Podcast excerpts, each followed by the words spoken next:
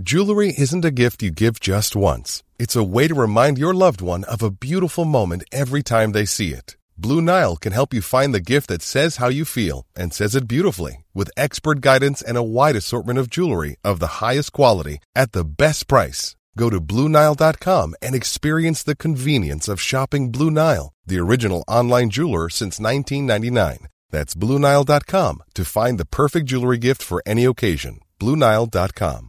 Hey, it's Ryan Reynolds, and I'm here with Keith, co star of my upcoming film, If, only in theaters, May 17th. Do you want to tell people the big news? All right, I'll do it. Sign up now and you'll get unlimited for $15 a month and six months of Paramount Plus Essential Plan on us. Mintmobile.com slash switch. Upfront payment of $45 equivalent to $15 per month. Unlimited over 40 gigabytes per month. Face lower speeds. Videos at 480p. Active Mint customers by 531.24 get six months of Paramount Plus Essential Plan. Auto renews after six months. Offer ends May 31st, 2024. Separate Paramount Plus registration required. Terms and conditions apply if rated PG. I'm Sandra, and I'm just the professional your small business was looking for. But you didn't hire me because you didn't use LinkedIn jobs. LinkedIn has professionals you can't find anywhere else, including those who aren't actively looking for a new job but might be open to the perfect role, like me. In a given month, over 70% of LinkedIn users don't visit other leading job sites. So if you're not looking on LinkedIn, you'll miss out on great candidates like Sandra. Start hiring professionals like a professional. Post your free job on linkedin.com/people today. Du lyssnar på Nyans avsnitt 21 och det här är som vanligt en feministisk true crime-podd som går igenom olika uppmärksammade rättsfall. Det kommer bli ett väldigt uppmärksammat och aktuellt rättsfall idag. Som vanligt i lurarna så har du Hanna Bergvall, Paula Dahlberg och jag, Kajan Andersson. Och idag ska vi alltså prata om mordförsöket i gruvhålet.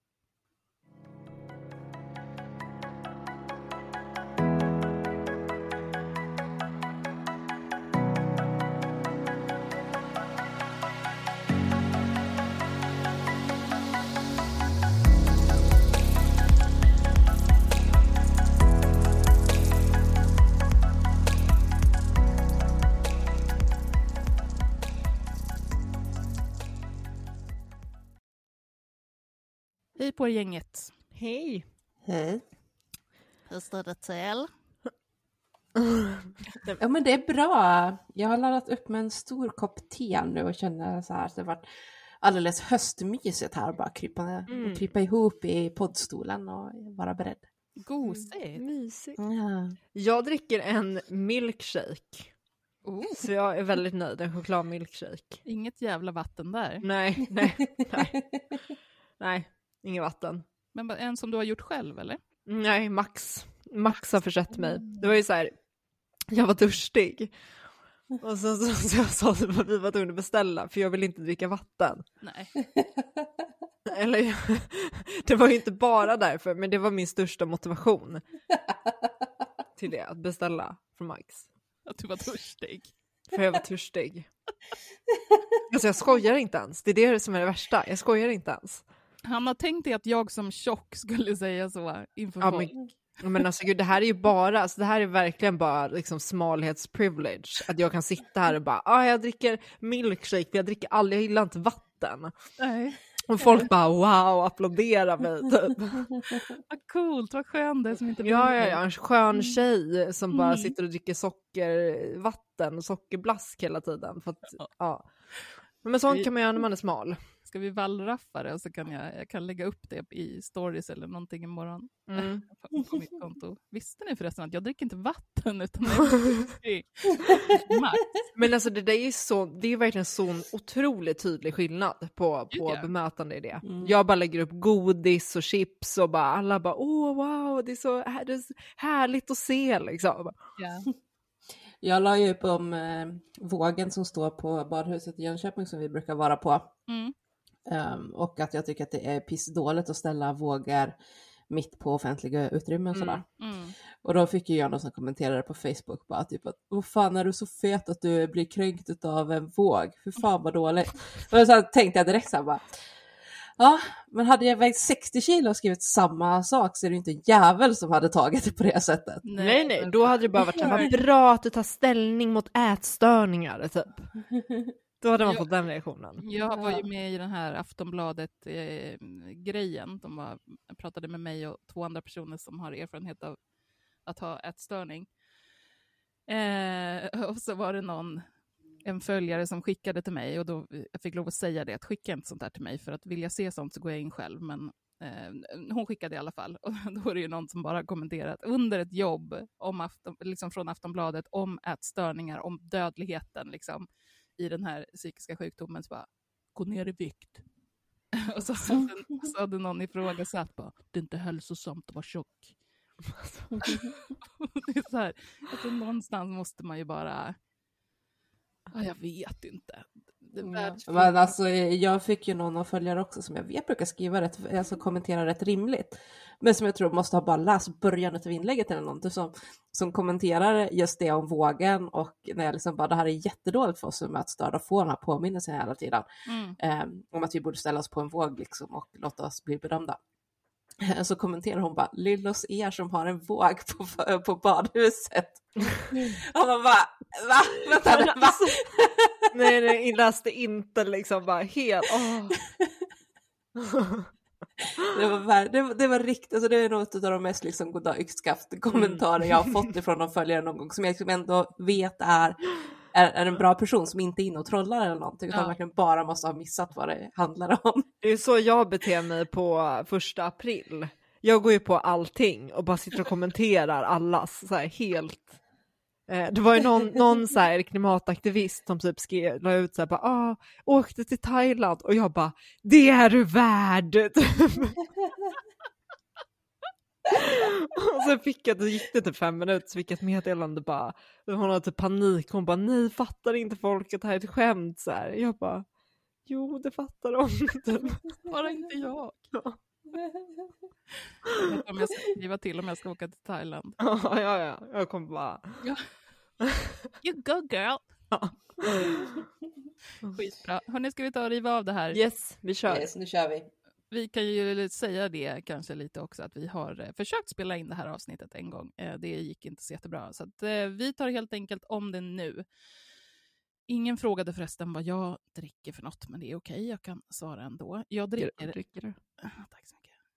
Um, gud vad snällt att du frågar. Åh, Bra jobbat Hanna, det är tur att du är så omtänksam. jag dricker faktiskt ett litet glas bourbon. Fråga mig om jag gillar bourbon. Gillar du bourbon? Nej, Mm, men du dricker alltså ett literglas? Nej lite. Eller vad sa du för någonting? Litet. Jaha. Lilla sejdel.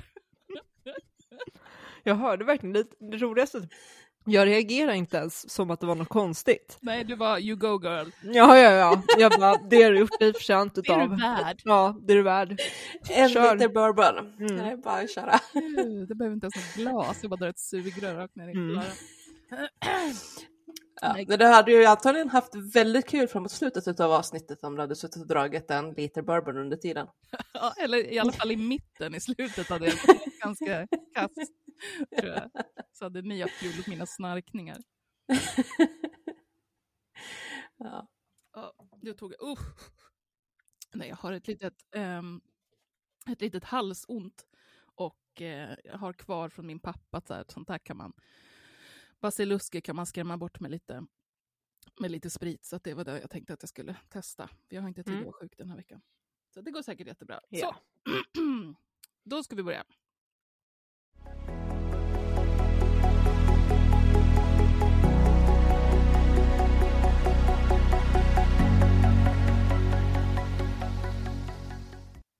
Nyans. Då ska vi bli allvarliga. Idag så ska vi alltså prata om mordförsöket i gruvhålet. Ett väldigt nytt mål. Det har precis kommit en dom i det här och de allra flesta har säkert följt det här fallet.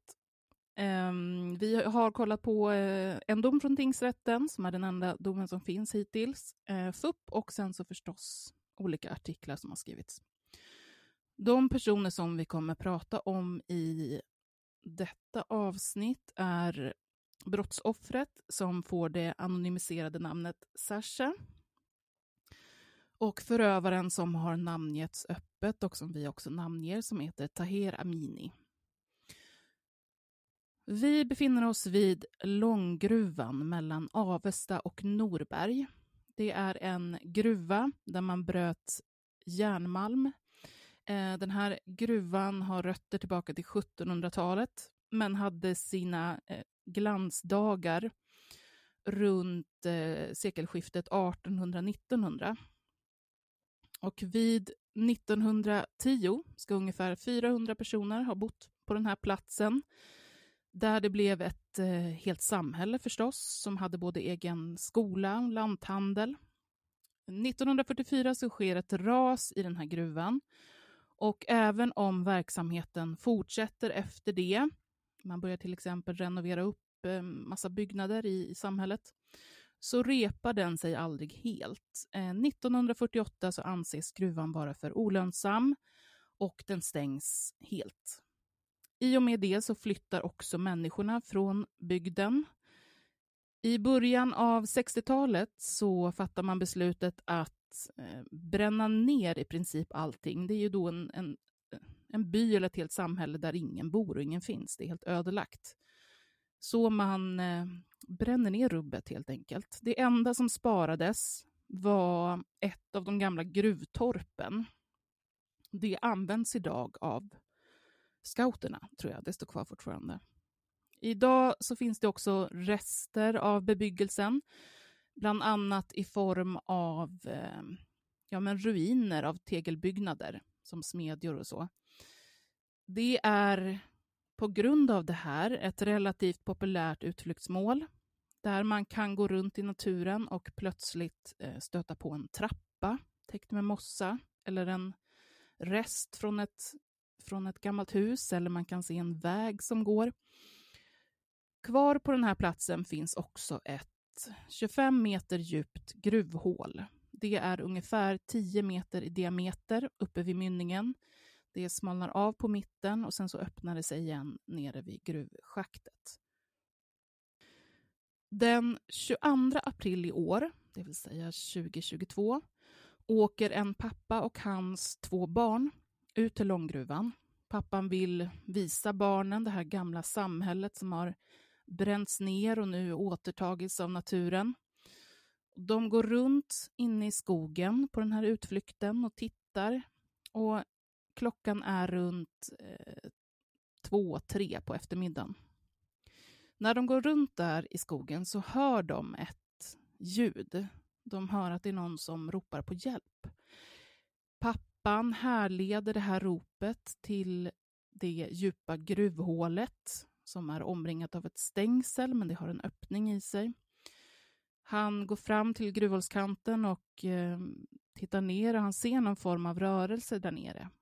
Eh, pappan larmar 112 som eh, snart är på platsen med hjälp. En av brandmännen som anländer först tar på sig sin utrustning och börjar klättra ner i hålet. Han hinner halvvägs ner då han ser en kvinna nere på botten.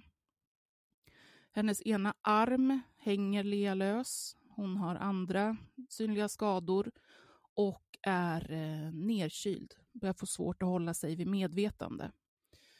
Kvinnan huttrar inte, vilket eh, tillsammans med hur kall hennes kropp kändes talade om för brandmannen att hon var ordentligt nedkyld. Det är ju nämligen så att när kroppen kommer under ett visst gradtal så slutar man helt enkelt huttra. Nere i gruvhålet är det mörkt och fuktigt. Det är inte mer än ett par plusgrader. Kvinnan, som alltså är Sasha, talar inte mycket svenska alls, men hon kommunicerar ändå tydligt att hon vill ha hjälp, vilket gör att brandmännen inte tycker att det här känns som ett suicidförsök. Hon är även ovanligt tunt klädd. Det finns inget fordon i närheten, vilket gör att man finner det här ännu mer avvikande eftersom att det, eh, det är inte helt uppenbarligen en olycka heller. Även fast polisen sen kommer att inleda med att utreda det som en olycka. Men med hjälp av Sjöfartsverkets helikopter så spänns Sasha fast på en fixeringsbräda och hon hissas upp till helikoptern varefter hon körs till sjukhus där hon får stanna i en månad. Sasha överlever skadorna men det är först senare under utredningen som det ska komma fram vad som faktiskt har skett där runt Långgruvan. Det Sasha berättar i förhör och för rätten är det här. I slutet av april hade hon bott på en flyktingförläggning utanför Norberg i ungefär ett år. Hon och hennes familj kom från eh, Afghanistan. Det är på den här flyktingförläggningen som hon lär känna Tahir Amini. Han bor granne med henne och är den på förläggningen som talar samma språk som Sasha. Det gör att det blir väldigt naturligt för henne att, att eh, knyta an till eller få kontakt med honom. Sasha är i 20-årsåldern. Taher är 41. Han har även tre barn i yngre tonåren som Sasha blir nära vän med. Hon säger att de känns som en enda syskongrupp. Tahers fru omnämner han som horan och menar att hon har stuckit med en annan man, att hon varit otrogen. Sasha märker så småningom att Taher börjar fatta tycke för henne och hon får flera gånger göra klart för honom att hon inte är intresserad. Eh, och nej, hon vill inte gifta sig med honom. Trots att Taher regelbundet är på henne om det här, om giftermål, och trots att han uppvisar en, en ganska klandervärd eh, kvinnosyn generellt. Han visar upp bilder på andra kvinnor som han säger sig ha varit med, som han pratar om som väldigt lösaktiga och så vidare. Men trots det här så får Sasha och Tahir eh, en vänskaplig relation. Vid eh, årsskiftet eh, 2021-2022 så flyttar Tahir till Malmö. De båda fortsätter att ha kontakt via eh, samtal, sms, videosamtal. Det här är absolut oftast på Tahers initiativ. Han kommer också hälsa på henne på förläggningen vid två tillfällen. Det första tillfället slutar med att eh, han säger till henne efter att eh, de ätit en middag att de ska ha sex. Och när hon inte vill det så blir han eh, arg och hon ber honom försvinna, gå därifrån. Det andra tillfället var alltså den 21 april. Tahir hade då lånat en bil och det var sagt att de skulle åka till Örebro för att hämta något abonnemang som han sa att han hade ordnat till henne så att hon skulle kunna ha internet. Han åker tåg en viss del av sträckan och sen så plockar han upp en bil som han kör till förläggningen. Tahir hade sagt att hans dotter och en kompis till dottern skulle åka med. De skulle passa på att köpa lite kläder. Men när Sasha kommer ut till bilen så ser hon att han är ensam där. Det ska också säga att Sasha har under några månader, precis innan, eh, haft en relation med en man. Den här mannen har Tahir bråkat med om just detta, att han är tillsammans med Sasha. Och när de nu har kört i bilen ett tag så börjar han bråka med henne. Han börjar skälla på henne. Han anklagar henne för att ha svikit honom. Eh, och det här svikit är en översättning som eh, tolken här sen i, i dokumenten betonar även kan översättas till otrogen. Han kör in henne i skogen och stannar bilen på en plats som Sasha upplever är väldigt öde. Tahir säger till henne att antingen ska hon ha sex med honom här och nu eller så kommer han att döda henne på platsen. Han säger idag är din sista dag. Idag kommer du att dö. Sasha öppnar bildörren och börjar springa för att fly, men Tahir kommer ifatt henne. Han drar i hennes sjal så att den hamnar runt halsen och hon får svårt att andas. Han slår henne med knytnäve så att hon ramlar omkull. Med våld så tar han av henne kläderna och han hotar henne under tiden med att Om hon inte är mer samarbetsvillig så kommer han gå och hämta en, en kniv som han har i bilen. Eh, Taher våldtar och misshandlar Sasha. Eh, han säger eh, till exempel, du hade sex med din kille och gav honom, varför vill du inte ha sex med mig? Efter våldtäkten så börjar han att släpa henne mot gruvhålet som är alldeles i närheten. När Sasha stretar emot så åker hennes tröja av. Hon blir släpad fram till det här stängslet som finns runt gruvhålet, men som är trasigt på ett ställe. Och det är genom den här öppningen som Taher släpper in henne.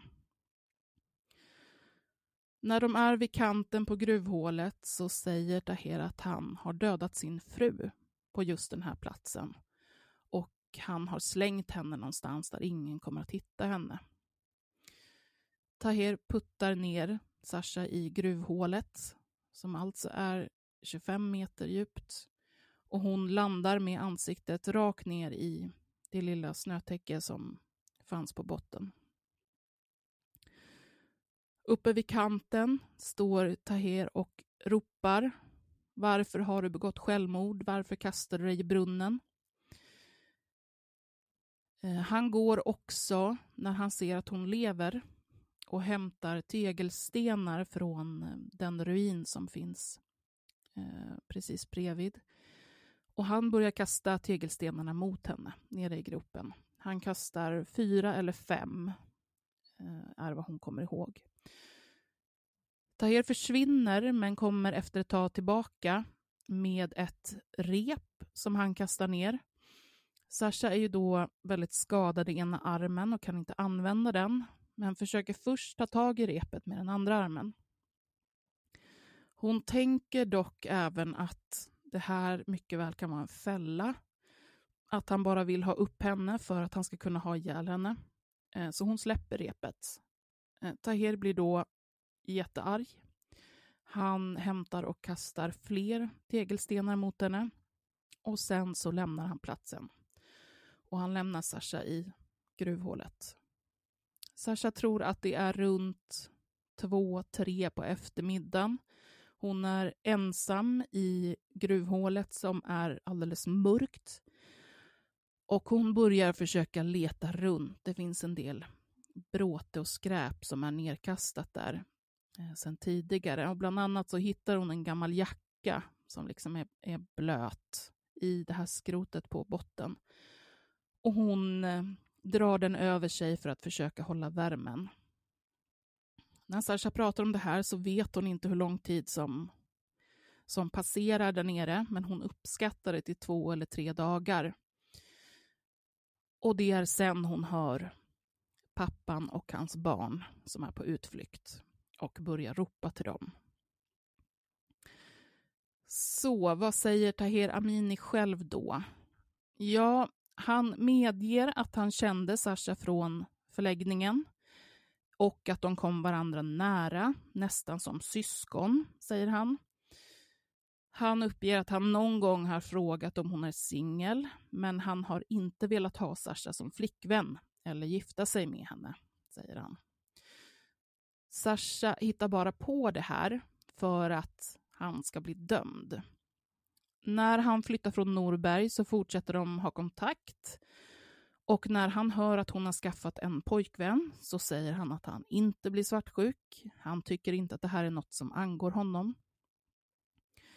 Han tillstår att han hälsar på henne där vid det första tillfället, men säger att det är ren lögn, att han har sagt till henne att de ska ha sex. Det har inte hänt, säger han. Han säger att det stämmer att han har åkt tåg till Krylbo, som ligger alltså i närheten av Avesta, eh, i april, precis som åklagaren kommer att visa i rätten. Men det är inte för att åka och träffa Sasha. Det är inte för att åka och plocka upp en bil han lånat och sen hämta henne, utan det är för att träffa en helt annan kvinna som han hade kontakt med. Sen kommer en historia som är minst sagt makalös. Ehm, det är en historia om den här kvinnan då som plockar upp honom i bilen ska ha gett honom vatten för att han var törstig. Och han dricker det vattnet. Han säger att han blir väldigt trött av det där vattnet. Han nästan dåsar av. Ehm, de åker i bilen. Hon har sen samlag med honom två gånger, trots att han egentligen inte vill. Hon ska ha torkat av sig med sina trosor och lagt dem i handskfacket efter ett av de här tillfällena. Den här kvinnan säger han ska även ha haft får hemma. Det är någonting som han säger att han känner på lukten i bilen. Kvinnan behöver tydligen rep till fåren och det är därför Tahera Amini handlat rep på Biltema som åklagaren lägger fram bevis för. Eh, kvinnan gav honom pengar, ställdes, de ställde sig på parkeringen och så säger hon till honom att gå in och köpa rep och det gjorde han. Och det är därför han syns på Biltemas övervakningskamera köpandes rep 14.39 den aktuella dagen. Sen körde kvinnan honom till stationen i Krylbo igen, uppger han. Innan han hinner stiga ur bilen så tar hon hans telefon och raderar alla kontakter i den. Ehm, det här är bara några exempel. Det finns en hel del annan bevisning som Tahir har olika eh, kreativa eh, förklaringar till. Ehm, men, men till exempel också så förklarar han att det finns, man hittar nämligen selfiebilder på hans telefon på honom själv vid gruvhålet, som han alltså säger att han inte har varit vid. Eh, Tahir själv menar att det där är ju eh, bilder som han har tagit på ett helt annat ställe när han var och fiskade. Eh, och som han skulle skicka till en kompis. Eh, när man hittar ett kvitto från en bensinmack eh, som ligger i Avesta från den här dagen och precis vid en tid som stämmer överens med Sashas utsaga, så har han ingen förklaring till det. Han har inte tankat någon bil, han har inte åkt där. Han har inte varit i Långgruvan, han har inte varit i närheten, han har absolut inte träffat Sasha. Eh, det finns en jäkla massa bevisning i det här fallet som också, ska jag säga, leder till att det får den dom som det får. Men det ska Hanna få gå igenom nu.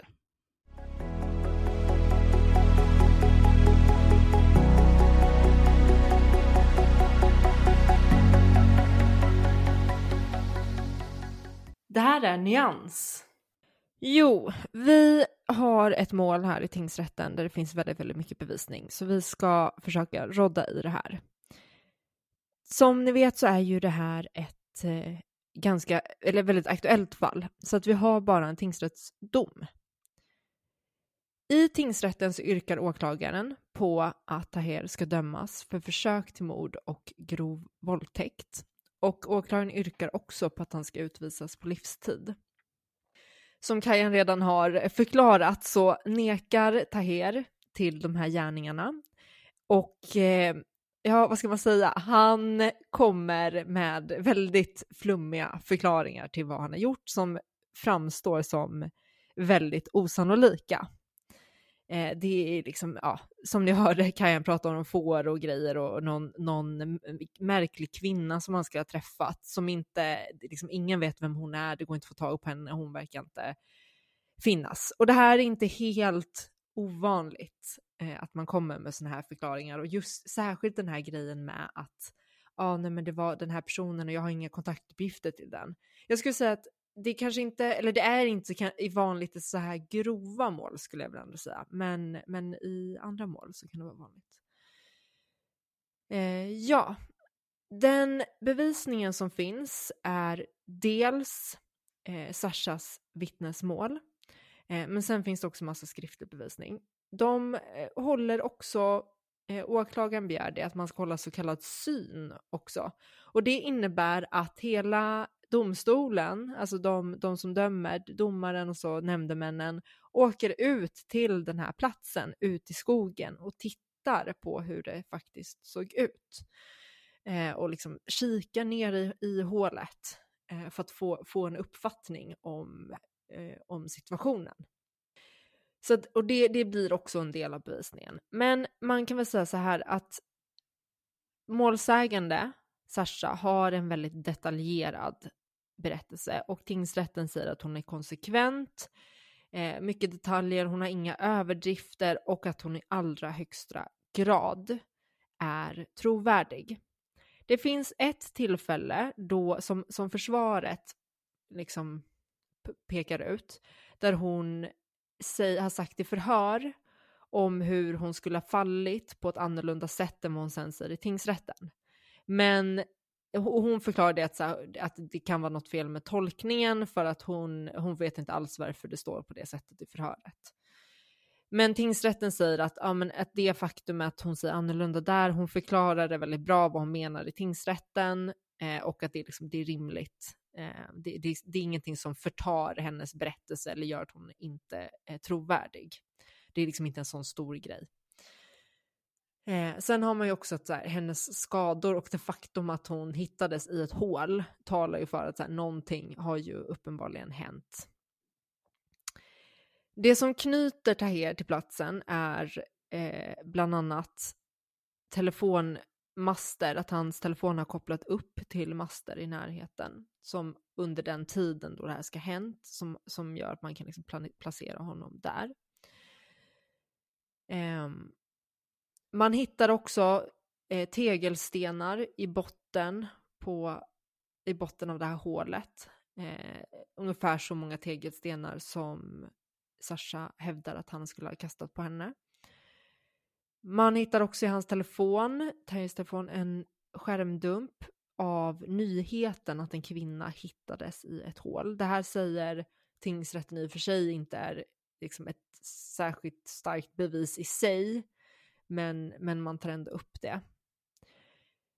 Och angående våldtäkten så hittar man Tahers DNA eh, i, långt uppe i Sashas könsorgan och man hittar också DNA från Sasha i Tahers kalsonger.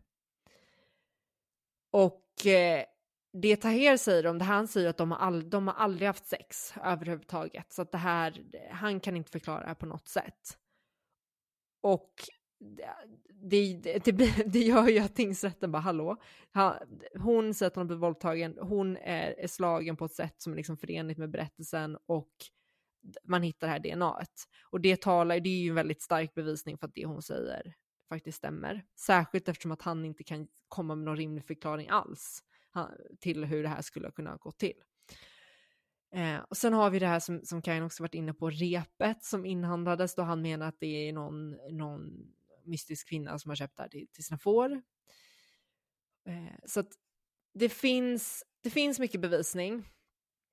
Så att, och i det här fallet, det som är det, just att Taher är, att han inte kan ge någon rimlig förklaring till något av det här. Eh, det, det, det blir ju då att man, tingsrätten går på eh, tingsrätten går på målsägandes berättelse tillsammans då med den här stödbevisningen. Och det, när man läser domen så är det, det är ju helt uppenbart att, att han eh, kommer fällas för, för det här. Eh, och jag tycker att det är en helt rimlig bedömning med tanke på hur mycket bevisning som finns. Och eh, det som blir lite av en diskussion i domen är huruvida man ska bedöma eh, våldtäkten som grov våldtäkt eller inte grov våldtäkt.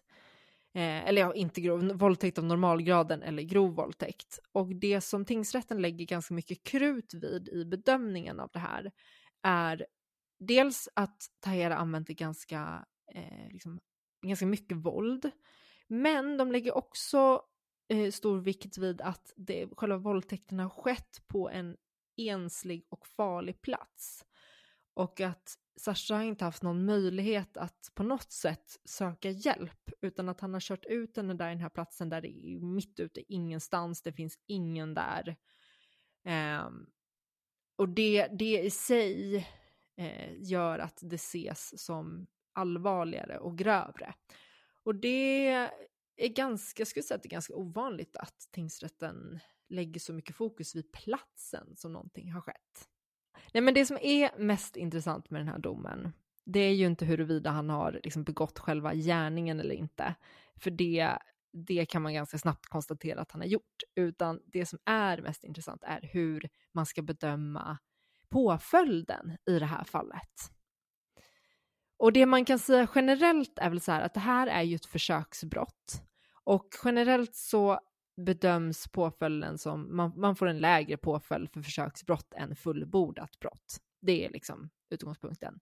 Men ju närmre försöket ligger att det skulle faktiskt bli fullbordat, ju närmre liksom man kommer till den gränsen att det blir fullbordat, ju närmre kommer ju också straffet till att liksom bli närmre själva ett fullbordat straff, äh, eh, brott, äh, straffet för ett fullbordat brott.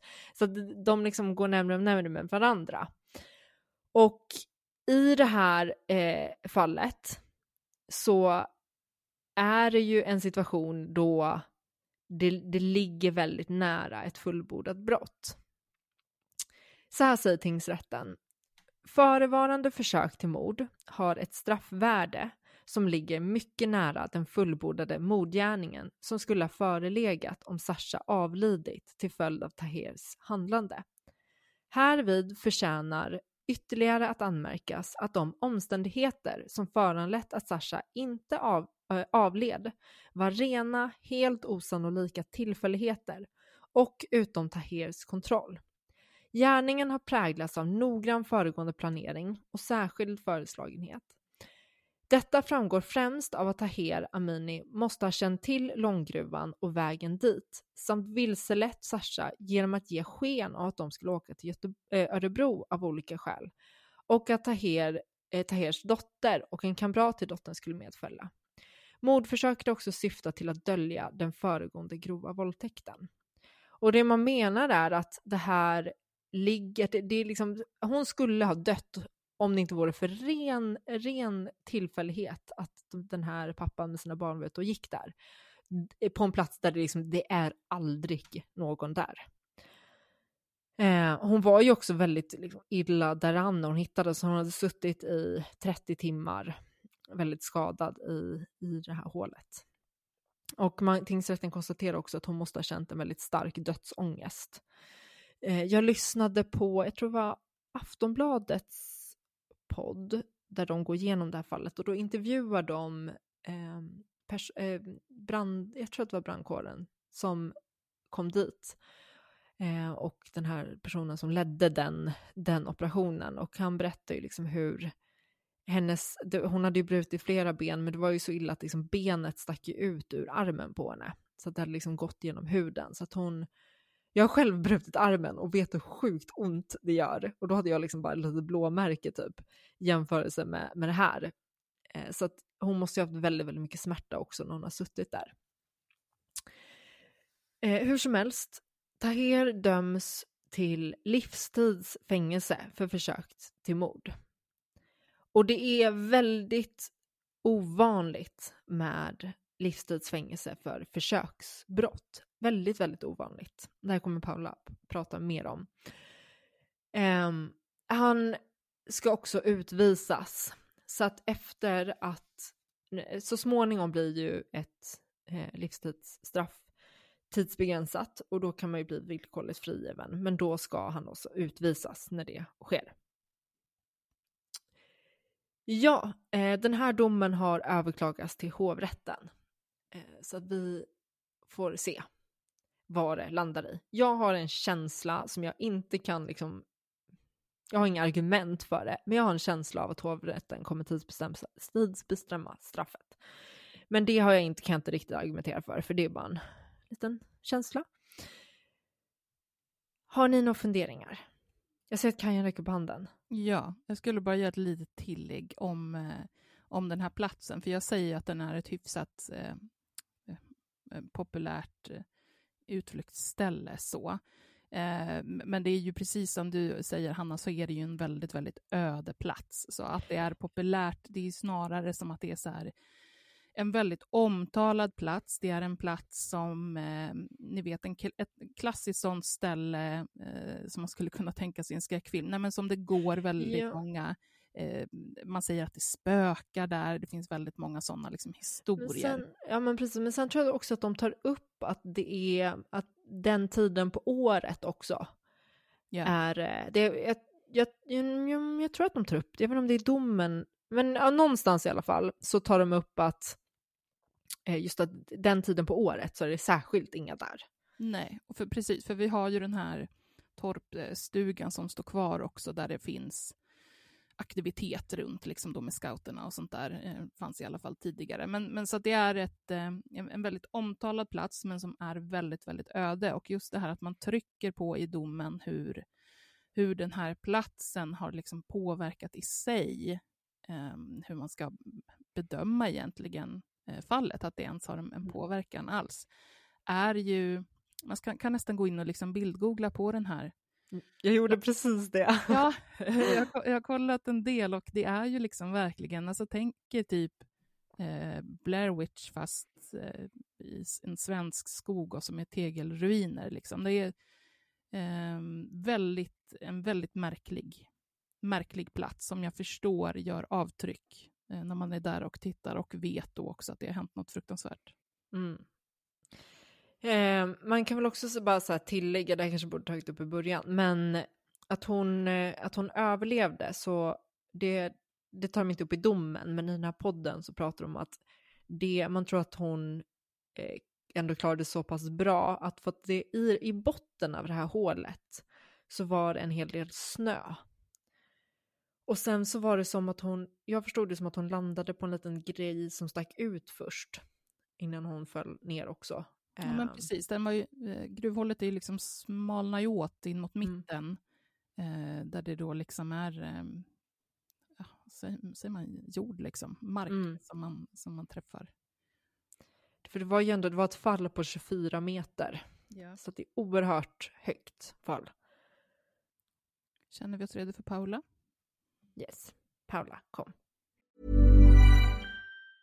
Hey, it's Ryan Reynolds, and I'm here with Keith, co star of my upcoming film, If, only in theaters, May 17th. Do you want to tell people the big news?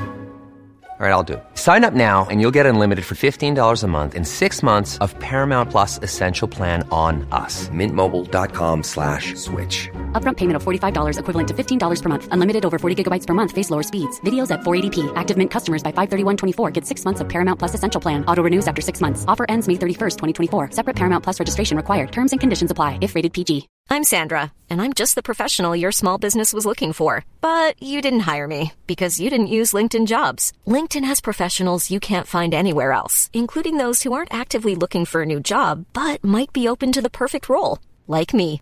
In a given month, over 70% of LinkedIn users don't visit other leading job sites. So if you're not looking on LinkedIn, you'll miss out on great candidates like Sandra. Start hiring professionals like a professional. Post your free job on linkedin.com/people today.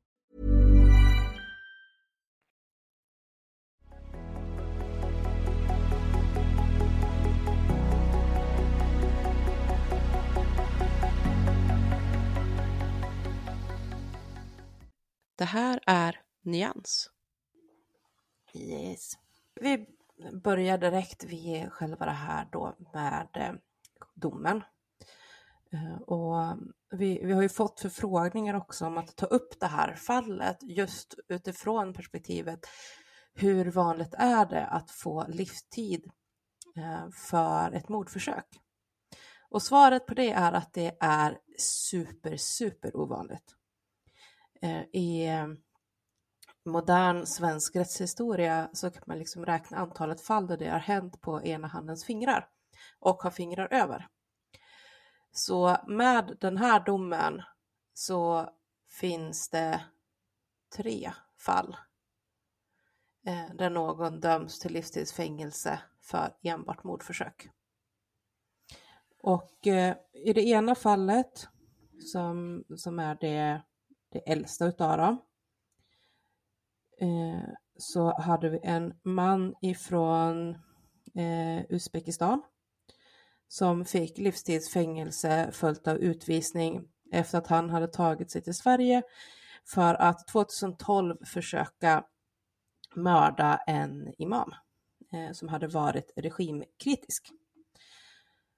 Och eh, kan, jag kan ändå tillägga sådär med, med Hannas där kring livstid att det är ju inte säkert att det blir tidsbegränsat.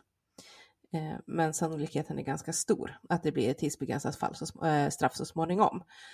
Och ja, som, som Hanna sa, om det nu blir så att han eh, får komma ut efter ett tag så blir han ju då utvisad. Även det brukar vara på livstid. Och i det här Uzbekistan-fallet så drog man, menar man på att det var ett syn, synnerligen svårt brott för att personen inte hade någon som helst anknytning till Sverige egentligen, utan han hade enbart kommit till Sverige för att leta upp den här imamen, döda honom och sen lämna landet jättesnabbt igen. Så det tyckte man liksom tydde på någon extra hänsynslöshet i det hela. Så. Och man sa också att det var bara ren slump eller tur eller ja, att eh, imamen inte dog. Eh, annars hade han ju eh, hade det ju varit ett eh, fullbordat mord liksom. Så precis som här med gruvhålet, liksom, det, det var ju inte att personen som försökte mörda gjorde någonting för att försöka ändra sig i sista sekunden, och sånt utan det var bara slumpen som gjorde att någon överlevde. Och det andra fallet, det är från förra året, så det är också väldigt nyligt. Eh, så det kan ju vara att det helt enkelt börjar bli, alltså vi, man har ju höjt praxis för eh, vilk, alltså, hur hårt man ska döma kring sådana här typer av brott. Så det kan ju också spela in lite grann i att man nu då eh, en gång på två år, eller två gånger på två år dömer någon till livstidsfängelse för eh, mordförsök när man typ aldrig har gjort det tidigare. Och det eh, andra fallet då, det är från Vetlanda, ett fall i Vetlanda 2021 där en person, en kille, eh, knivhögg sju personer. Han gick besärk i centrala Vetlanda. Och han döms också då till livstidsfängelse. Men det som skiljer där är att han blir ju dömd då till livstidsfängelse för de här sju mordförsöken Eh, för att det var så pass många. Att han liksom har försökt att döda fler än en person på samma gång och även där att det var bara tur att, nå, eh, att alla överlevde. Eh, nu har jag räknat fel. Det är ett fall, ett fall till. Och det var ju också en man i Eksjö som dömdes till livstidsfängelse för mordförsök. Och då var det eh, tre mordförsök som han dömdes för. Eh, där han försökte då mörda sin exfru och sina två barn. Eh, och detta var i 2019, så också ganska nyligen som det hände. Eh, och den här personen dömdes då också till utvisning. Så utav fyra domar för, med livstid för mordförsök så är det alltså tre som också då lägger in livstid, eh, utvisning om domen skulle omvandlas till tidsbestämt. Jag tänker hävda att det eh, betyder någonting. Att det inte riktigt bara är slumpen som gör att det har blivit så. Kan man säga. Eh, vi har också ett ganska nyligt fall där någon faktiskt har fått livstid, eh, inte för att själv ha varit inblandad då, men Eh, ett fall som vi sagt vi ska försöka kanske kika lite på som också är från i år, med en person som då blir dömd till livstidsfängelse för anstiftan till mord. Eh, och detta ehm, är personen som han ville se dödad, blev inte dödad, utan för de som hade tagit på sig att, att mörda eh, råkade välja fel person så att det var en, eh, en 30-årig man eh, i Göteborg som blev skjuten till döds av två maskerade män. Och eh, sen visade det sig att de här maskerade männen var egentligen ute efter en helt annan person. Och här ser man att det finns inget prejudikat för de här grejerna. Så att eh, vad, vad det här blir eh, får vi väl se. Men det är ändå Högsta domstolen som har slagit fast det här. Så det kan ju också tyda på att vi kommer kunna se fler domar antagligen framöver där livstid döms ut även för personer som inte har mördat någon men varit inblandade i att någon hade kunnat bli mördad. Jag bara sticker in med en fråga om en, om en eventuell sak. Var han som blev dödad, var det han som var 30? Var inte han, han som blev dödad äldre? Han hade väl ganska stora barn? Var det inte han som Nej, skulle... han som skulle bli mördad var i 50-årsåldern. Men han som blev mördad var 34 konstigt. Här för mig. för mig att det var intervjuad. Han hade barn som var liksom nästan vuxna. Det kan vara jag som minns fel. Mm. det är det jag hittar i alla fall om det att det var. Det är också med i någon av de här via Play. Om jag inte tänker på ett annat fall där man tog fel. Så kan det ju vara. Mm. Så. Två maskerade män sköt ihjäl en 30-årig 30-åring i Malmö, förlåt inte Göteborg, Malmö 2018. Men egentligen var det dödande skotten avsedda för en nu 54-årig man. Ja. Det uppmärksammande mordet var en beställning men trots misstaget bedömer nu Högsta domstolen att uppdragsgivaren förtjänar livstid i fängelset. Ja. Mm. Det är jag som sa fel stad däremot, men nej, han var 30-åring och den som skulle ha blivit mördad var 50 plus. Så. Vill- kan inte du eh, utveckla det här som du, du bara nämnde det så här, eh, det här tror jag inte är någon slump. Kan du inte utveckla lite mer hur du tänker? Mm. Eh, nu ska jag komma tillbaka till det. Nej, men det, det man vet, det finns en eh, ganska lång rad undersökningar och även intern forskning inifrån kriminalvården på olika sätt. Ehm, att man vet att det finns rasistisk bias. För att ja, men det, det är lite så vi blir inlärda, men det är också till viss del så vi människor funkar. Att vi har svårare att känna empati med och se oss själva i, i personer som vi inte ser som våran ingrupp. Medan vi har lättare att känna empati med och förstå personer som vi ser som liknande oss. Hanna?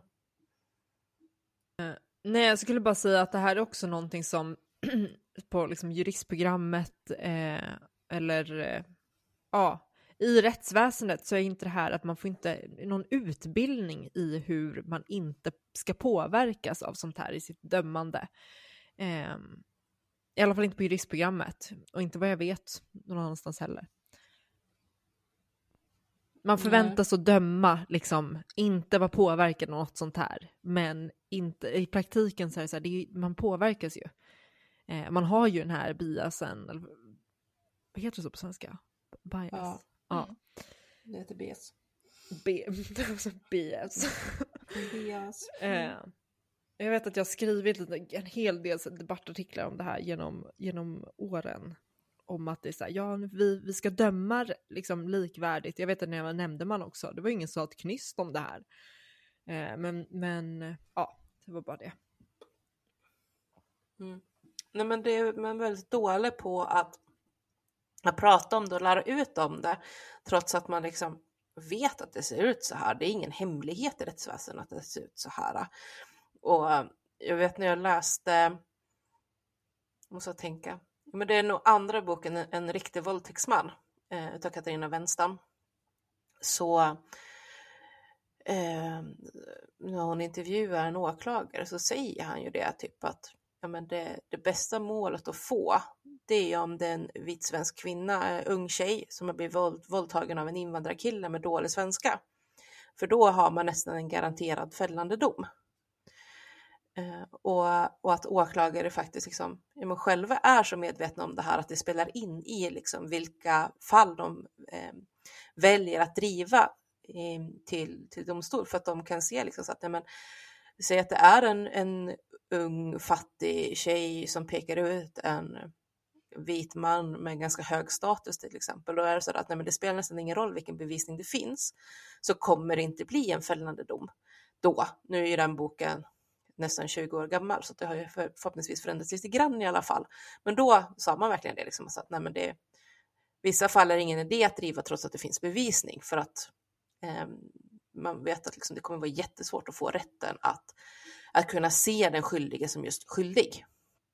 Medan då är det någon som liksom bedöms ganska långt ifrån den svenska normen, alltså en, framförallt en invandrarman som bryter väldigt kraftigt, eh, i synnerhet behöver han tolk i rättegången till exempel, så, så ser man liksom att det är oproportionerligt stor eh, andel då som blir fällande domar.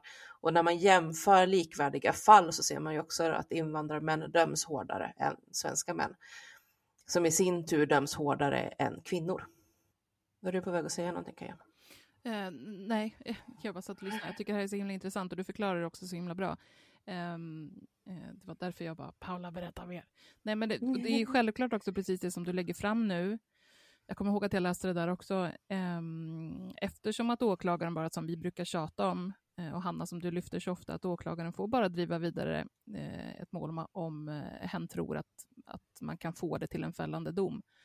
Eh, så att då, sätter man det i det perspektivet förstår man ju hur mycket det här påverkar. Mm. Alltså grejen är ju att eh, den här typen av bias föder ju sig själv också. Det blir ju en typ av självuppfyllande profetia eller negativ spiral eller vilken typ av ord man nu vill använda för det.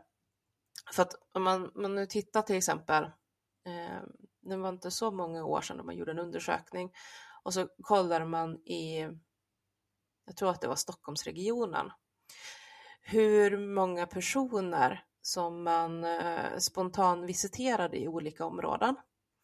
Hur många av dem som man faktiskt hittade någonting på. Eh, hur mycket av det som sedan ledde till, eh, till någon form av rättslig påföljd. Men också hur många personer man sedan tog in på olika typer av förhör eh, kopplat till eh, olika typer av misstankar om, om brott. Och där kunde man ju se liksom att personer med invandrarbakgrund i första eller andra generation, Eh, de var ju jätteoproportionerligt fördelade i att man, man visiterade dem mycket, mycket oftare och man eh, tog in dem på förhör mycket, mycket oftare. Eh, men eh, när det kom till rättsliga påföljder eller vad man faktiskt hittar olagliga substanser på dem så, så hittade man ju det i ungefär samma utsträckning i absoluta tal eh, på invandrarungdomarna till exempel som man hade visiterat för droger som på de vita ungdomarna som man visiterade för droger. Men ändå så blir det någonstans så där att eh, eftersom man visiterar så himla många fler så hittar man mer och så säger man, men titta det är bevis för att eh, invandrarungdomarna har knark på mm. sig och därför måste vi visitera dem och därför måste vi göra de här grejerna. Och lite samma är det ju när, var det DN, äh, skitsamma vilka det var nu, som gjorde den här undersökningen där man tittade då på fällande domar och ursprunget på de som blev fällda för eh, våldtäkter. Mm. Och så, så kommer man att säga liksom att ja, men sån här stor andel, var, var 80 procent eller någonting, har rötter utanför Nordeuropa. Um, och, och så som jag liksom antyds det då, eh, Eh, både direkt och indirekt, att, att det handlar om att de kommer ifrån kulturer som inte är som våra och därmed importerar problemet av våldtäkter. För att det är nästan bara de som begår våldtäkter. Men då tar man ju inte in den här grejen som, som har varit känt jättelänge, att åklagare faktiskt är mer benägna att åtala invandrarmän för att de vet att det är större möjlighet att få en fällande dom. Eh, man har också sett i massor av studier att blir du våldtagen eh, av din partner eller bästa kompis, alltså någon som står dig nära eller som påminner om dig själv, så är man mindre benägen att anmäla. Men blir du våldtagen av en främling eller ytligt bekant eller så, som är olik dig själv, så har man större benägenhet att anmäla. Vilket betyder att svenska kvinnor som våldtas av invandrarmän har större benägenhet att anmäla mm. än vad man har att anmäla om eh, om våldtäktsmannen då är majoritetssvensk. Vilket gör som att de svenska männen som våldtar, de anmäls i lägre utsträckning och de går fria i högre utsträckning när de faktiskt blir anmälda. Så att då titta på vilka som har fått en fällande dom emot sig och så säga att det skulle säga någonting om, om vilka det är som våldtar blir väldigt, väldigt skevt för det är väldigt många led där som sorterar bort de svenska männen. Ja, Gud, det här är så jävla intressant. Behöver vi, jag tror att våra Eh, poddlyssnare känner oss och det vi våra inställningar kring det här tillräckligt bra, men behöver vi säga någonting om att, eh, att man kan föra den här diskussionen samtidigt som man i fallet med gruvhålet som vi pratar om är, är på det helt klara med att det här är en skyldig gärningsman som, som döms till ett hårt straff och ska ha ett hårt straff. Och med hårt straff så menar jag inom det som är rimligt att sätta. Mm. Jag tror att det är lika bra att ändå understryka det, liksom att vi jag tycker ju på intet sätt att den här, det här kräket ska gå fritt. Eh, utan den enda poängen här är väl lite grann att hade han inte nu varit eh, från Afghanistan utan hade varit en Kalle Svensson till exempel så hade han ju mest troligt inte fått livstid på det här dådet. Och det kommer vi komma in lite grann i för er som är Patrons, att nästa Patreon exklusiva avsnitt kommer ju handla om bebisen i, i kraftdammen som hade en mycket svensk pappa ja. eh, som ju också då dömdes för mordförsök men där det blev ett annat straff. Ja, det, det, det, är ett annat straff. Ja. Det finns många likheter så vi, vi kommer ju antagligen koppla tillbaka lite till det här fallet ja. i det avsnittet sen. Men jag tänker att det här är det klassiska, att, att ha flera tankar i huvudet samtidigt. Ja. Man kan påtala att det finns uppenbara och väldigt tydliga rasistiska strukturer i, i allt från anmälningar till, till grad av straff och eh, eh samtidigt kunna förhålla sig till ett fall Um, och, och, och, säga att det, de strukturerna finns där, men det betyder inte på något sätt att, att förövaren är oskyldig eller, eller ska komma undan eller eh, något sånt alls. Exakt. Um, jag tycker att en, en sista avslutande intressant grej ändå i, i hela det här, som jag ser det, det är um, när jag har då surfat runt och läst lite i de här efterföljande debatterna om om det här fallet. Så um, men det, jag har ju sett att det finns vissa försök att försöka förklara hans eh, väldigt empatistörda beteende. Eh, han, han ska ju till exempel ha tittat ner i gruvhålet på, på Sasha och sagt typ ja, men, liksom stått och skrattat åt henne och sagt saker i stil med att ja, men varför försökte du ta livet av dig nu eller varför, varför skadade du dig själv sådär? Eh, och stått liksom och hånat henne innan han har gått sin väg. Och ehm, eh, i vissa fall så blir det så att man försöker ju bara liksom förklara det rakt av med att det är någon form av giftig maskulinitet. Och eh, i vissa fall, alltså vissa feministiska kretsar så var det lite grann att ja, men det, det är liksom sådär män är män är svin och får de chansen att vara riktigt jävla sviniga så är de det.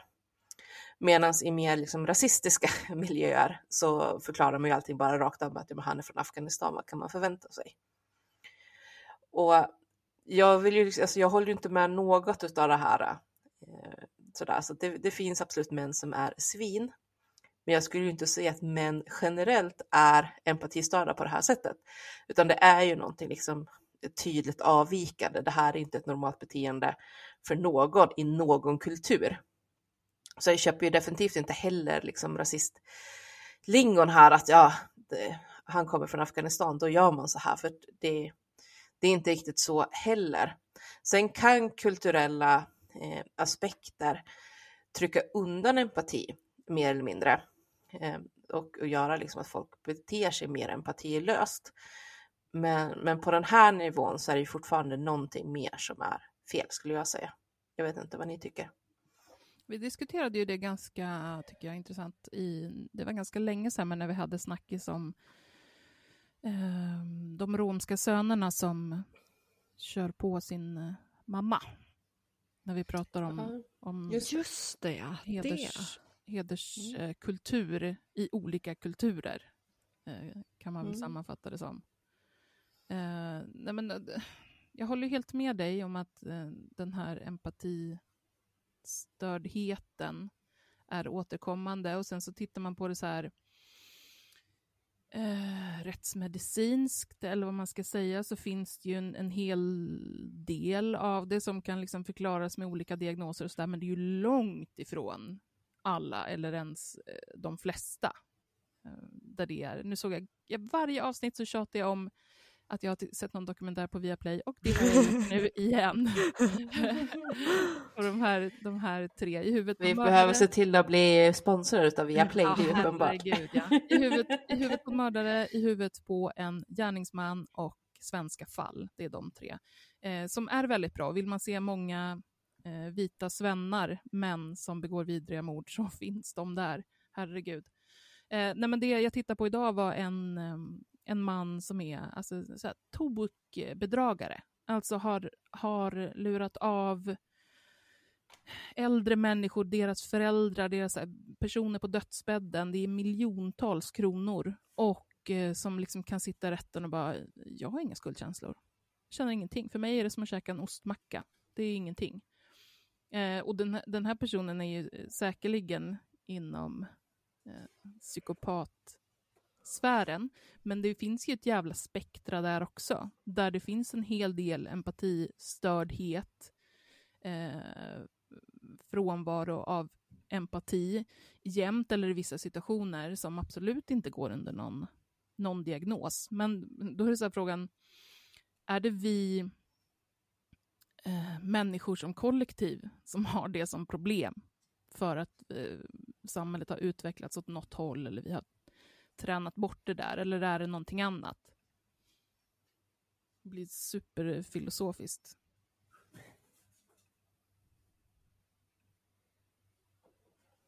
Vill du lägga till någonting annat, eh, Hanna? För annars har vi en perfekt övergång här till veckans snackis. Kör, kör.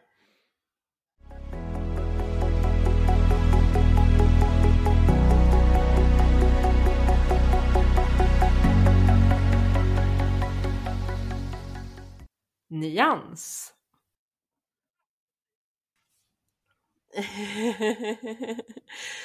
Eh, nej men på, på den tonen av eh, empatistördhet och eh, är, det, är det socialt, är det gener, vad är det det handlar om? Så, så tänkte jag att vi ska gå över till, ja, jag kan inte ens uttala hennes namn för att jag är så förbannad på det så jag tänker inte försöka lära mig det. Så elak är jag just nu. Nej men, eh, Margot? En, en viss, ja precis, Margot Dietz. Här sitter jag och Eh. bara, jag- vem fan kan det vara hon pratar om? Alltså helt ärligt. Nej men med, med Margot då, att ehm, för de som då eh, inte vet vem Ma- Margot är eller vad som har hänt och sådär, så i förra veckan la hon upp ett Youtube-klipp eh, som någon, jag misstänker att det inte är hon själv utan att hon har personal till det. Så någon har Medarbetare, ja. redi- medarbetare Mm. som hon säger. Ja. Eh, någon medarbetare har redigerat. Så det är en medarbetare som filmar delar av det och en, en annan medarbetare som senare har klippt det till en videosnutt med ljudeffekter och grejer. Eh, som är då att hon ska ha hittat en eh, avdäckad, uppenbart väldigt full människa, man, liggandes utanför sin dörr. Och eh, hon skickar ut sin femåriga son att gå och peta på honom. Där har man lagt till skojiga ljudeffekter när, när sonen går och petar på den här mannen. Eh, och eh, hon, hon ringer sen polisen, eh, eller 112, och säger att hon vet inte riktigt hur det är med honom för att hon vågar inte gå ut till honom. Eh, Innan dess ringer hon en, en PT. och ringer, just det, precis. Innan dess ringer hon dessutom sin PT och säger att det ligger en, en eh, full man utanför min dörr. Vad ska jag göra? Han är blodig och jag eh, vet inte riktigt vad jag ska, hur jag ska hantera det här. Och PTn säger, men ring 112 så får ju de komma och lösa situationen. Och det har också bekräftats ifrån polisen att de var till, eh, till lägenheten och där hittade de en mycket berusad man eh, som var blodig men verkar inte uppenbart skadad utan det var antagligen någon skråma någonstans. Blodet verkade gammalt. Eh, han verkar inte vara i någon uppenbar nöd men han fick hjälp att ta sig hem helt enkelt. Uh, ja. Och det här har ju gett jättemycket kritik av rimliga skäl. Vi har skrivit om den på Instagram att det här skulle kunna utgöra ett brott ehm, med olagligt integritetsintrång eftersom hon filmar en person som är eh, i en mycket utsatt situation och sprider till många människor. Eh, och sådär. Ehm, men, men jag tänkte lite mer diskussion egentligen då om de som försvarar det här. Apropå nu då, empati Eh, löst samhälle som social konstruktion eller vår genetik. För det finns ju en hel del som har försvarat henne eh, på, på lite olika sätt eller ja, mer eller mindre direkt. Eh, Föga förvånande kanske så har Pau till exempel gått ut och försvarat Margot. Alltså. Eh, lite mer förvånande för många kanske är att Lady Damer har gått ut och försvarat henne och säger att det här är ett drev och folk ska sluta. Det hade jag missat. Jag har också missat det. Ja, eh, ja då, då fick ni höra det först här nu då. eh, Lady Damer eh, tar, ja, försvarar henne och tycker att det här var ju bara ett misstag och folk gör misstag, ingen människa är perfekt. Och att alla som rasar emot eh, Margot nu sitter bara på höga hästar och tror att de är så jävla bra. Det är väl ungefär sensmoralen av det som Lady Damer har sagt. Fast nu börjar jag bli irriterad. Mm, mm. Ja. Eh, och sen har vi Alex Schulman som har skrivit en krönika om att Margot är minsann inte djävulen, hon är barn av sin tid. Alltså den där krönikan gjorde mig så sjukt lack. Nu är det en sån här situation där jag känner att jag böjer mig fram mot mikrofonen och höjer rösten. Ja. Gör alla lyssnarna döva. Nej, men jag blev så otroligt irriterad av den där. Vill du berätta varför? jag tänkte att Paula skulle liksom ta, ta vid där och fylla på om, om det. Jag, jag tänkte att du kunde få, få utveckla själv. För... Nej, men eh, jag, dels håller jag inte, alltså den bygger på, han börjar med att berätta om typ sitt barn som filmar, nu läste jag den lite slarvigt för jag var upprörd, men han börjar berätta om, eh, han fil, om sin dotter som filmat något på en skolgård. Liksom, och det är ett, ett slagsmål mellan två elever. Ja. Och hon har filmat och ju, han kan se i filmklippet hur det står en ring av barn runt de två som slåss. Eh, som att det gällde livet alltså verkligen. Han, det... han, beskriver det som väldigt brutalt. Och folk står runt en ring runt om och filmar. Men det är också så här, det, här, det har ju ing, det, alltså enligt mig så har ju inte det med den här situationen att göra. Det är ju inte som att hans dotter la upp det där, att äh, hans dotter är en influencer och med jättemycket makt, pengar och resurser och la upp det som content. Alltså det, Nej. jag tycker det är en otroligt märklig jämförelse vad, barn, vad barn gör på en skolgård.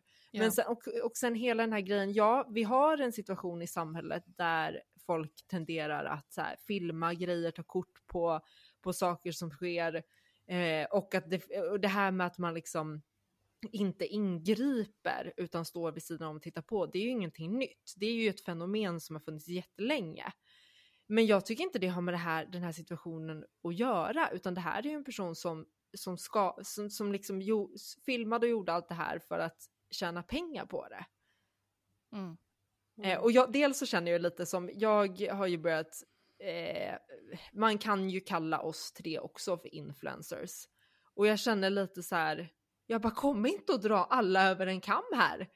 Mm, jag liksom, hon är inte något vilken tid, barn av sin tid, vad pratar du om? Mm.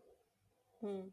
Alltså det, det, det, det, jag blir så eh, förbannad på och frustrerad över, som jag tycker är så platt, alltså analytiskt platt, är, är den här dragningen till att man, eh, ja det, det är ett drev, och, och så fort man då säger att någonting är ett drev, så betyder det att kritiken är överdriven, att mm. det inte var hela världen, att man förstorar saker som inte borde förstoras. Det är inte vad det innebär. Drev har funnits, alltså så länge vi har haft media så har drev funnits drev betyder ju att väldigt många springer på samma boll. Alltså att... Eh, mm. Alltså tänker Lewinsky-affären. Liksom. Gör du någonting, är du en person med mycket inflytande, eh, en stor publik, mycket makt och gör någonting som är allt ifrån direkt klandervärt till olagligt och så liksom allt där runt omkring så kommer människor reagera. Och ju, ju större du är, desto, alltså ju mer känd du är, desto fler kommer att reagera. Det här är liksom inte någonting som är en dålig sak, det är en naturlig följd av den position du har. Det är liksom en ekvation, den position du har och sen så eh, gånger det, det, den genomslagskraften, makt du har, kommer ge liksom en viss, en viss respons. Jag blir svintrött på att oh, det här är bara drevande, sluta med det, alla kan göra fel. Ja, naturligtvis kan alla göra fel. Men, det är ingen som har sagt något annat. Men gör man ett tillräckligt stort fel inför en tillräckligt stor publik där det kan göra tillräckligt stor skada, så kommer väldigt många människor att påpeka det och det är helt i sin ordning. Jag blir så, Mm. Jag blir så trött Alltså, på att så här, väl, väl sagt Kajan. jag blir Ehm, jätteirriterad och också, eh, det svarade jag på någon kommentar bara idag, eh, och bara när jag lyfte det här just det juridiska perspektivet med att det här, för det tror inte jag så många vet, att det här kan faktiskt vara eh, ett lagbrott, alltså du kan göra någonting olagligt. Jag tror inte att så många har koll på den här eh, lagen som vi pratade om i, i eh, förra avsnittet, eh, med olaga in- integritetsintrång. Um, och så lyfter jag det och, och så kommer det personer som är så här, ja ah, fast jag tycker ändå inte att det här hatet är okej. Typ, mm, och, och, och att man sätter då ett likhetstecken mellan kritiken och eh, galningar som skriver eh, hot, liksom, mordhot. Men så där tycker jag det alltid. Så folk har ofta, eller inte ofta, men det, det här har ju varit en återkommande grej just det här, vad är skillnaden på hat och kritik? Det verkar vara väldigt kan vara svårt. Det, det är väldigt svårt för folk att hålla, hålla i, sociala medier åtminstone. Jag, jag har ju fått, typ varje gång jag kritiserar någon politiker så får jag ju DM om Åh, varför, vad var ditt problem? Varför hatar du? Du är en sån näthatande troll. Och jag bara, fast jag, va? Jag har ju sagt att så här, den här personen, här har jag bevis för att den här personen talar inte sanning exempelvis. Ja. Då är det, Mm. eh, ja nej men det, Nej, men och att man liksom ska behöva att sitta och lyfta så här en del av aspekten kring kritiken kring någonting som berör eh, väldigt många, för att vi lever i en kultur där, där content är en stor faktor av hur människor ser på sin omvärld, om någonting är potentiellt content eller inte, och det är klart att det påverkar människor, speciellt influencers som har eh, flera hundratusen följare att liksom mätta varje dag. Men att man ska liksom kunna lyfta en aspekt av eh, kritiken och varför den är viktig att beröra och viktig att utveckla. Och att, att människor då kan ta det som att ah, du tycker att det är rimligt att man får mordhot på telefon. Nej, men det är det väl verkligen nej, ingen nej, som har men sagt. åh, gud vad trött man blir. Snälla någon. Och det är på Ja. samma sätt tycker jag att det här med eh, det här, är bara, det här är bara ett drev, alla kan göra fel. Har du aldrig gjort fel? Eller? Jo, men naturligtvis. Men, och den dagen jag sitter på den positionen som Margot sitter på, med det inflytandet och den makten och gör ett sånt monumentalt oetiskt eh, övertramp som hon gör, då ska jag också ha den skiten. Rakt av. Jag, jag förstår inte att man tycker att det här... Gud vad jag blir arg. Mm. Nej men det är, det är väl samma som det här nu då att folk också tyckte då att det är cancel culture att Stronger först då gick ut och sa att de avbryter samarbetet med, med Margot. Nu ligger en del av hennes grejer kvar tror jag från samarbetet på deras hemsida bland annat, vilket gör att folk tycker typ att ja, de har inte alls sagt upp det ännu. Men det är lite så att antagligen är de där kläderna redan producerade, så säljer de dem inte så kommer det ju betyda att de typ eldar upp dem och det är inte heller så jävla bra. Nej. Eh, Så eh, det är väl klart att de kanske vill sälja ut de kläder de har i samarbetet innan det tas bort helt. Ja, anyhow, det var en parentes. Men, men liksom. Eh, att, det ska vara cancer culture då och sen att då andra eh, företag har dragits ur allt eftersom. Men jag känner liksom så att eh, Margot i den här klippet så går hon ju omkring med kläder där, som är från Stronger. Och mycket av deras kläder, alltså så här, träningsbyxor till sin träningstext, har ju en liksom väldigt bred eh, resår vid midjan som det står Stronger på. Ja. Och den syns ju i de här klippen, så deras varumärke syns i det här klippet. Och att de tycker att det kanske är aningen pinsam situation att råka hamna i, för att man har råkat eh, sätta sig i ett samarbete med en stor influencer som tydligen saknar allt jävla omdöme. Alltså det är inte konstigt att de drar sig ur det, att de inte vill synas i den typen av eh, sammanhang. Sen finns det liksom ingen djupare jävla ställningstagande såklart från de här företagen, utan det handlar ju bara om att skydda intäkter, givetvis. Men alltså jag tänker på det här med, med konsumentkraft som vi så ofta pratar om är en väldigt i ett kapitalistiskt samhälle inte minst en, eh, en enorm viktig eh, ett, ett påverkansmedel, liksom att vi ska utnyttja vår konsumentkraft för att få till eh, förändringar åt det håll som vi vill ha. Och jag upplever att när det kommer till kanske framförallt influencers och den sfären, kanske artister och så också, eh, Ehm, så hoppar man gärna lite godtyckligt mellan när man anser att den här personen är en privatperson och när man anser att den är en, eh, en maktfaktor. Eh, grejen är att de här sakerna som Margot har gjort, har hon gjort i sin yrkesroll. I och med att hon gör det här till content och lägger upp det, och dessutom har på sig eh, material från ett företag som hon har fått ganska mycket pengar för att, att jobba med liksom, och, och lyfta dem. Eh, det här är utifrån hennes profession, utifrån hennes yrkesroll, där hon har en otrolig eh, maktposition. Det här vet vi ju också. Det finns ju listor på eh, hur stora påverkansfaktorer som faktiskt influenser eh, och, och sociala medieprofiler har. Det är helt enormt. När hon gör en sån eh, sjuk grej i sin yrkesroll och får kritik utifrån sin yrkesroll, därmed då också eh, med konsekvenser, där, där, människor faktiskt använder sin eh, konsumentkraft och sin konsumentpåverkan genom att säga att det här är inte, jag har, det låter ju sjukt, men jag har eh, konsumerat dig, eh, du har tjänat pengar på det, du gör saker i den rollen som jag absolut inte uppskattar, som jag tar jättestarkt avstånd från. Naturligtvis ska man använda sin konsumentröst gentemot det. Ja, så det är väl egentligen inte konstigare än att hon betedde sig jätteilla på jobbet och att det får konsekvenser på en arbetsplats. Nej. Mm. Uh. Och det är därför jag också är irriterad på de här Uh, hade hon varit en man så hade det inte blivit lika illa eller det här är ofeministiskt. Det, det, är att göra, det är att göra saken en sån jävla otjänst och det är också ohyggligt platt. Uh, mm. platt analys av situationen. Det här är en, en väldigt framgångsrik uh, kvinna i en, i en ganska säregen maktposition som utifrån sin yrkesroll gör en sak som är fucked up och det får konsekvenser. Mm. Precis. Alltså jag tänkte lite snabbt också, så vi måste nästan göra ett, ehm, ett avsnitt någon gång om eh, Kitty, Kitty Genovese och bystandar-effekt och det faktum att det är en myt. Oh ja. Jag bara? Apropå det jag du bara, precis sa Hanna, så outar jag dig som någon. Gud, jag, jag har ju kört stenhårt på det där i många år. Nej, okay, jag ska, det, det är sort of en myt. Det, det finns lite sanning i det.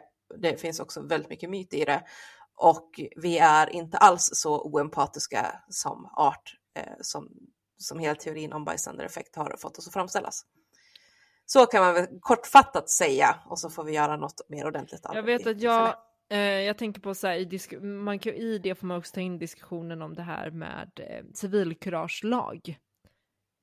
Mm. Um, oh, ja, jag, jag, vi har mycket att prata om det där. Ja, vi... För guds skull. Det, där får vi hejda oss direkt. Ja, ja jag känner det. det är som, som, som, sagt, det får bli ett eget avsnitt här någon gång för efter jul så ska vi prata om det. Ja. Eh, för jag har suttit och läst in mig på en massa forskning nu just för att folk eh, ju ändå liksom har hållit på att försvara eh, Margot med liksom så att ja, men folk generellt är så här oempatiska, människor går för bara förbi när någon ligger skadad på gatan, ingen bryr sig, det är så här vi funkar grej. Mm. Så jag suttit verkligen och läst in mig på att det här är inte njet. Njet. Kortfattat. Njet, njet. Hörni, alldeles strålande. Ska vi ta mm. och avrunda? Ja, ja. ja. Eh, superstort tack för att ni har lyssnat. Det här är väl ett, vad var det här? Var det ordinarie? Var det Patreon? Vad var det? det här är ordinarie. Ordinarie, okej. Okay. Hej ordinarie lyssnare. Hej allihopa. Som inte är Patreons. Ta bli det på stört så att ni inte missar allt eh, svinbra material som vi eh, har som eh, bonusavsnitt. Eh, vill ni säga det här ni brukar med stjärnor och grejer? Ja, jag kan. Jag som tjatar om, om de här stjärnorna. Ni får jättegärna gå in och lämna eh, fem stjärnor. vi vill bara ha fem stjärnor på Spotify eh, så vore det super. Eh, det blir vi väldigt glada för. Mm. Eller lämna fem stjärnor och skriv ett omdöme på Apple Podcast eller vad heter det? I, iStore, iTunes. Ja, jag tappade det helt nu. Omdöm oss överallt där det går att omdöma. Man får också lämna färre antal än fem. Ja, man skriver ett omdöme. Det går också bra. Nu blir- kommer jag få utskällning av Hanna så fort vi Jag bara... Mm. Följ oss också på Instagram. Eh, var med i diskussioner där. Vi vill jättegärna höra vad ni tycker. Eh, men säg tack och hej så hörs vi nästa gång. Ja, ha det Det bra. vi. Hej! Hej.